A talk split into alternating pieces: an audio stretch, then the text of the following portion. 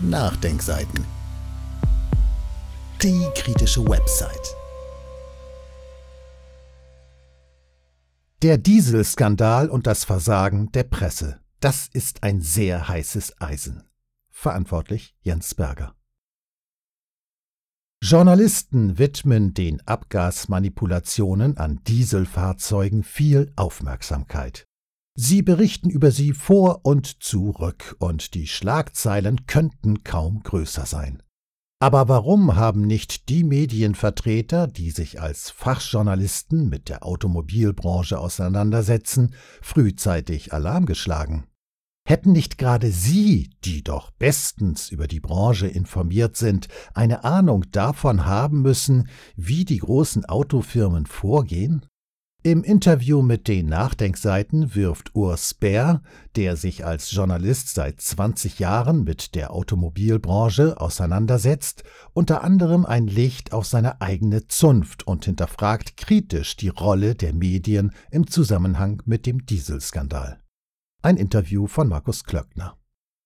Die großen Medien, sagt Bär, bleiben bei ihrer Berichterstattung weit hinter kritischen Auffassungen in der Bevölkerung zurück, die durchaus das systematische Kernproblem des ganzen Schlamassels durchschaut. Medien, so führt der Insider weiter aus, erweckten zu oft den Eindruck, als ob die jahrelangen und systematischen Manipulationen allein auf das moralische Fehlverhalten einzelner Politiker, Ingenieure oder Vorstände zurückzuführen wären. Doch die Realität sei eine andere, sagt Bär, der in dem Interview unter einem Pseudonym in Erscheinung tritt, weil er berufliche Nachteile aufgrund seiner kritischen Einlassungen befürchtet. Die Identität von Bär ist den Nachdenkseiten bekannt. Herr Bär, dieser Dieselskandal war und ist seit geraumer Zeit ein großes Thema in den Medien. Sie sind als Verkehrsjournalist ein Kenner der Automobilbranche. Was ist Ihnen in der Berichterstattung aufgefallen? Überaus bemerkenswert finde ich zunächst einmal, dass solche Betrügereien überhaupt an die Öffentlichkeit kommen. Neu ist es ja nicht, dass im großen Stil manipuliert wird. Neu ist, dass es aufgedeckt wird. Auffällig an der Berichterstattung ist aber die Oberflächlichkeit. Wie meinen Sie das?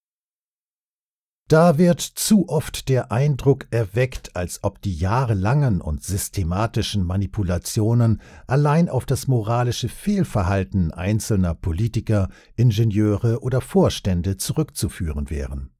Da bleiben die großen Medien weit hinter kritischen Auffassungen in der Bevölkerung zurück, die durchaus das systematische Kernproblem des ganzen Schlamassels durchschaut. Riesige, monopolartige Konzerne, die alles daran setzen, noch mehr und noch mehr Profit zu hacken. Und sei es mit Mobilitäts-, Auto- und Motorenkonzepten von vorgestern, die völlig veraltet und daher schädlich sind und dringend weiterentwickelt werden müssten, damit der Verkehr keine Zumutung für Mensch und Umwelt mehr ist, sondern sicher, komfortabel, klimafreundlich und und, das ist das eigentlich Wichtigste, nützlich und bezahlbar für alle Menschen sind. Dagegen steht das Prinzip der Profitmaximierung. So erklärt sich der Dieselskandal, und das muss bis an die Wurzel aufgeklärt werden, damit er überwunden werden kann. Was sind denn Ihrer Meinung die Ursachen für den Dieselskandal? Ein Beispiel. Es gibt technische Prüfinstitute wie die TÜVs, die messen den Verbrauch und die Emissionen von neuen Autotypen, bevor die eine Zulassung erhalten. Diese Institute sind formal gesehen unabhängig, aber der Markt dieser Prüforganisationen wurde in den 90er Jahren liberalisiert. Die ehemals wie eine Behörde geführten TÜVs werden nun wie Privatunternehmen geführt und streben selbst nach Gewinn. Nun kommt's. Die Autohersteller können selbst wählen, zu welcher Prüforganisation sie für die Typzulassung gehen. Ja, glauben Sie, dass diese Prüfunternehmen ein Interesse daran haben, ihren Kunden bei einer systematischen Manipulation auf die Schliche zu kommen, wenn davon Folgeaufträge abhängig sind? Dabei werden diese Tests für sich genommen bestimmt in Ordnung sein. Aber die Prüforganisationen haben einfach nicht das Interesse, tiefer zu schürfen, um beispielsweise eine Schadsoftware zu entdecken. Eigentlich müssten diese Prüfinstitute staatlich sein oder die Prüfungen müssten unter strenger staatlicher Aufsicht erfolgen, unter sehr strenger. Dieses Beispiel sagt sehr viel aus zum Verhältnis von Staat und Autowirtschaft und hier liegt aus meiner Sicht der Hund begraben. Hat der Dieselskandal etwas mit dem neoliberalen Staat zu tun? Das hat er. Ich will nochmal mit einem Beispiel antworten. Sie kennen bestimmt das Reifenlabel, das von der EU eingeführt wurde. Jeder zum Verkauf stehende Neureifen muss bestimmte Angaben zu Sicherheit, Energieeffizienz und Geräuschentwicklung vorweisen. Prima, denkt sich da der Kunde. Jetzt kann ich mich beim Kauf besser entscheiden. Was er nicht weiß, die Angaben auf dem Label macht der Reifenhersteller selbst, das wird nicht kontrolliert. Wenn Sie das wissen, wundern Sie sich dann noch über die Dieselschummeleien und dass die Luftverschmutzung trotz schärferer Emissionsgrenzwerte zunimmt? Der neoliberale Staat will den wirtschaftspolitisch eingreifenden Sozialstaat als Repräsentant des Allgemeinwohls abschaffen und einzig effiziente Rahmenbedingungen für die Geschäftemacherei setzen. Wozu übrigens auch gehört, die Verbraucher mit solch einem Pseudo-Label zu beruhigen. Daher hat auch die Autolobby ein Wörtchen mitzureden in Brüssel und Berlin, wenn es etwa um neue Emissionsgrenzwerte geht, also namentlich der Verband der Automobilindustrie VDA mit seinem Präsidenten Matthias Wissmann, der CDU-Verkehrsminister unter Kohl war. Das ist auch der Grund, weshalb die technisch längst machbaren Verbrauchs- und Abgasprüfungen im Alltagsbetrieb der Fahrzeuge so lange nicht eingeführt wurden. Stattdessen wurden bis heute die Autos unter künstlichen Laborbedingungen auf einem Prüfstand geprüft und die Autohersteller konnten das zu prüfende Auto völlig legal bis zur Unkenntlichkeit verändern. Mit zum Bersten befüllte Reifen oder ohne Radio, Klimaanlage oder andere übliche Ausstattungsdetails, teils sogar ohne Sitze, nur um das Gewicht und damit den Verbrauch zu senken. So kamen und kommen die angeblich so niedrigen Normverbrauchswerte zustande. Bei dem Dieselskandal scheint auch ein Versagen der Presse sichtbar zu werden. Warum haben nicht gerade die Journalisten, die sich intensiv mit Autos, den Autokonzernen und so weiter für die jeweiligen Fachmagazine auseinandersetzen, frühzeitig Alarm geschlagen? Das ist ein sehr heißes Eisen. Jeder Autojournalist weiß seit Jahrzehnten um die stetig gewachsene Diskrepanz zwischen den offiziellen Normverbrauchswerten und dem realen Spritverbrauch, die locker 50 Prozent und mehr ausmacht. Aber warum haben Journalisten dann nicht Alarm geschlagen? Da muss ich etwas ausholen. Es gibt heute kaum noch Zeitungsverleger, die sich als Garant einer kritischen, tiefgreifend informativen Meinungsbildung und einer plural streitbaren Presselandschaft verstehen. Die von Heuschrecken befallenen Verlage sollen viel mehr Gewinn abwerfen, die journalistische Arbeit wird zu Content und zur Ware. Es gibt Autoredakteure, deren Vorgesetzter sitzt nicht in der Chefredaktion, sondern in der Anzeigenabteilung. Deren Arbeitsmotto lautet erst die Anzeige besorgen, dann den Artikel schreiben. Und so sehen die Autoseiten dann auch aus. Oder die Autoseiten werden ganz gestrichen, weil es zu wenig Anzeigen gibt. Tja, und dann kommt noch hinzu, wer als Autojournalist überhaupt arbeiten möchte, der ist abhängig davon, dass er von der Industrie eingeladen wird, wenn ein neues Produkt präsentiert wird. Und von der Einladungsliste kann man auch ganz schnell wieder gestrichen werden. Es ist übrigens eine Mehr, wenn ich das noch sagen darf, dass Autojournalisten es sich im schicken Testcabrio an der Côte d'Azur und mit Champagner im Luxushotel auf Kosten der Autofirma gut gehen lassen. Die gibt es zwar, aber nur sehr wenige. Sehr viele Kollegen sind dagegen schon froh, wenn ihre Artikel überhaupt abgedruckt werden und verlangen dafür keinen Cent Honorar, nur damit sie im Geschäft bleiben. Oft leben sie von Hartz IV. Ich frage Sie, Wie soll so ein selbstbewusster, qualitativer Journalismus gedeihen, der mit seiner kritischen Berichterstattung so etwas wie den Dieselskandal erst gar nicht entstehen lässt? Was müsste denn nun getan werden?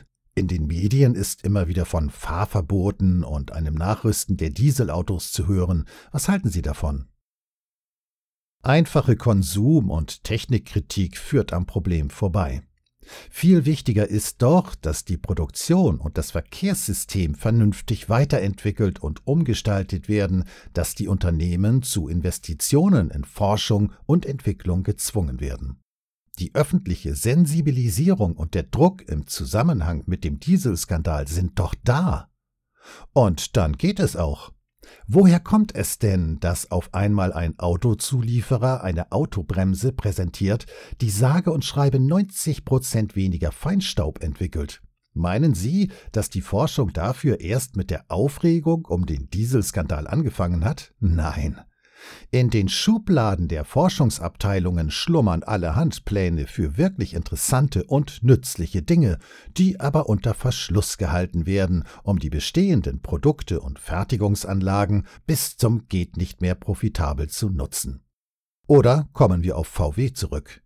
Die haben nun eine Investitionsoffensive in Höhe von über 70 Milliarden Euro angekündigt. 70 Milliarden vornehmlich für Elektromobilität und autonomes Fahren. Also das geht aus meiner Sicht in die richtige Richtung und das zeigt doch, was möglich ist. Und trotz dieser Riesensumme senkt VW damit sogar noch die Investitionsquote gemessen am Umsatz, da ist also noch erheblich mehr drin. Die Voraussetzung dafür, also sowohl für diese enorm hohe Summe, wie auch, dass sie für vernünftige neue Produkte eingesetzt wird, ist öffentlicher Druck und eine selbstbewusste Belegschaft, die mitentscheiden will. Der Betriebsrat bei VW hat schon vor Jahren die Nachhaltigkeit als Entwicklungskonzept des Konzerns durchgesetzt, gegen harte Widerstände des Managements bis die Herren gemerkt haben, dass man mit Investitionen ins Energiesparen den Gewinn mittelfristig sogar erhöhen kann.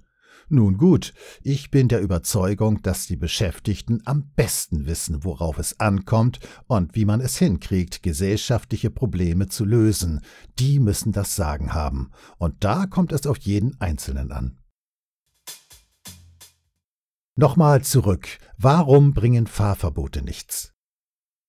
Fahrverbote treffen diejenigen, die sich ein neues, verbrauchsarmes Auto nicht leisten können, und im Zweifel wird es nur noch mehr Gestank, Lärm und Staus zur Folge haben, denn es wird verstärkt Ausweichverkehr geben. Wie sollte eine Nachrüstung ablaufen? Die Autohersteller versuchen durchzusetzen, dass sie mit einfachen Software-Aktualisierungen an den betroffenen Autos davonkommen. Die kosten so gut wie nichts, lassen sich aber nur mit jüngeren Autos machen, also mit sehr wenigen. Wirkungsvoller könnte eventuell eine technische Nachrüstung am Motor mit einem Katalysator gegen Stickoxide sein. Das könnte man an deutlich mehr, aber längst nicht an allen Autos durchführen, kostet aber mehr und will die Industrie daher nicht.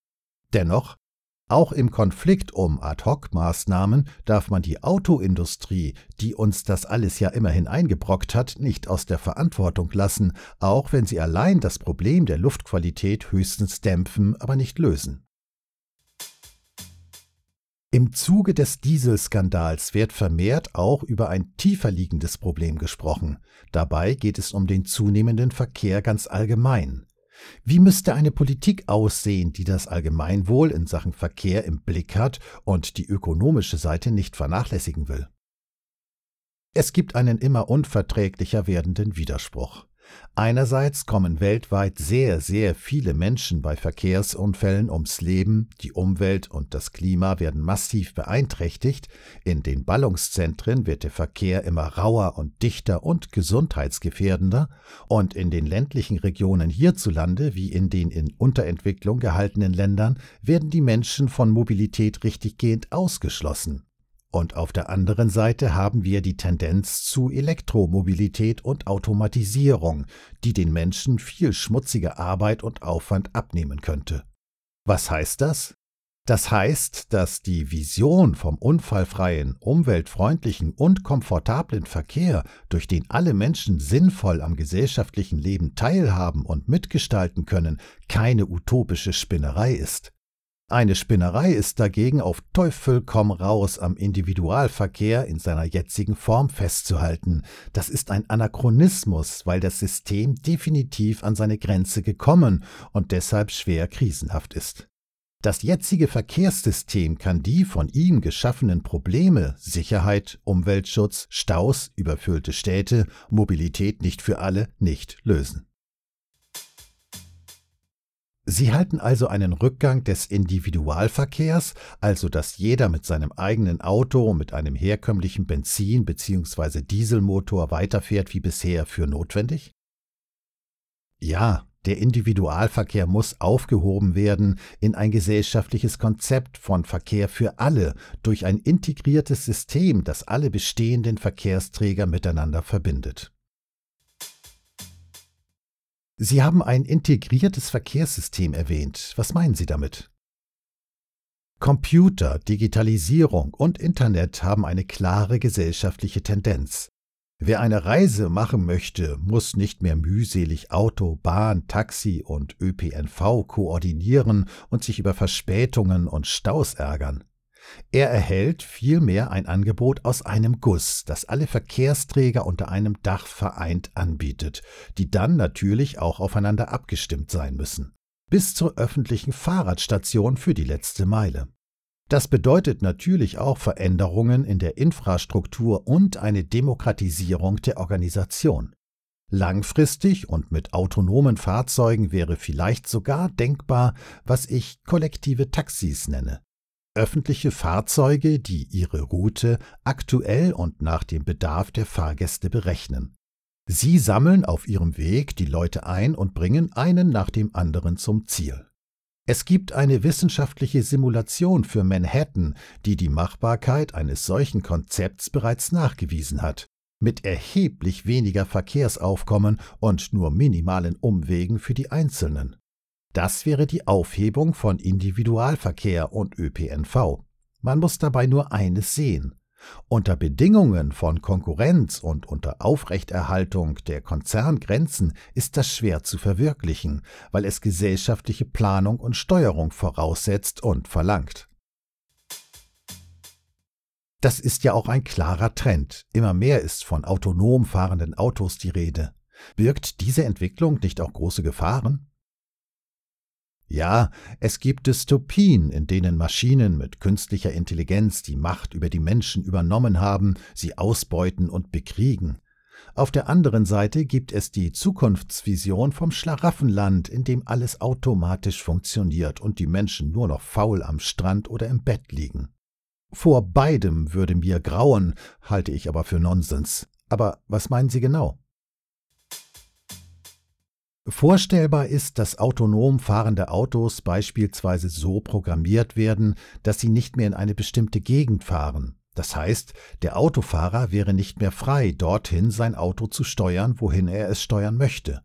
Gerade auch im Hinblick auf den Ausbau der Überwachungsinfrastruktur und die zunehmenden gesellschaftlichen und politischen Spannungen könnten solche Möglichkeiten schnell von Staaten, die es mit Demokratie und Freiheitsrechten nicht mehr so genau nehmen, missbraucht werden.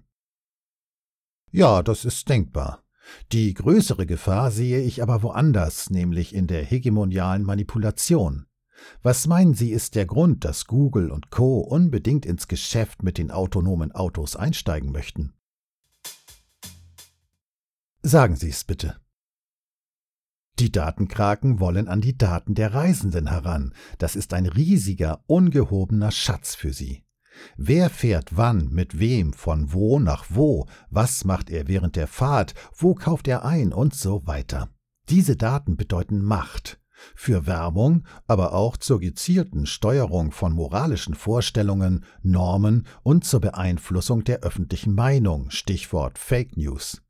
Und wenn Autofahrer laut darüber nachdenken, dass sie eines Tages dem Käufer ihres vollautomatischen Autos absolute Priorität in einer Unfallsituation einräumen, auch wenn dafür der Tod eines oder mehrerer Fußgänger in Kauf genommen werden müsste, auch dagegen muss man unbedingt sein. Aber lassen Sie uns auf die positiven Potenziale zu sprechen kommen. Elektromobilität und Automatisierung bergen eine große Möglichkeit, nämlich, um mit Brechts Galileo zu sprechen, die Mühsal der menschlichen Existenz zu erleichtern. Sie können die Menschheit von schmutziger, entwürdigender, kaputtmachender Arbeit befreien und den Alltag erleichtern, damit, und das möchte ich betonen, die Beschäftigten über Inhalt und Art und Weise des Wirtschaftens entscheiden und alle die Gesellschaft humaner gestalten können. Dazu gehört auch ein sicherer und umweltfreundlicher Verkehr für alle. Auf dem Weg dorthin halte ich neben den ökonomischen und sozialen Fragen, die wir bereits erörtert haben, für ganz entscheidend, dass es im Straßenverkehr einen Kulturwandel geht, weg von Ich zuerst oder freie Fahrt für freie Bürger hin zu Fairness, Verständnis und Entgegenkommen.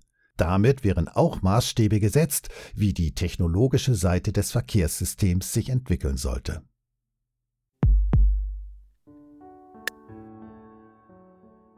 Dieses Audio konnte nur entstehen, weil zahlreiche Leserinnen und Leser die Nachdenkseiten fördern und durch Spenden unterstützen. Wenn Sie auch etwas tun wollen, klicken Sie einfach den entsprechenden Button auf unserer Website an. Übrigens, Sie können uns auch bei iTunes und SoundCloud hören und wenn Sie mögen, dort eine positive Bewertung für uns abgeben. Wir freuen uns über jede Hilfe.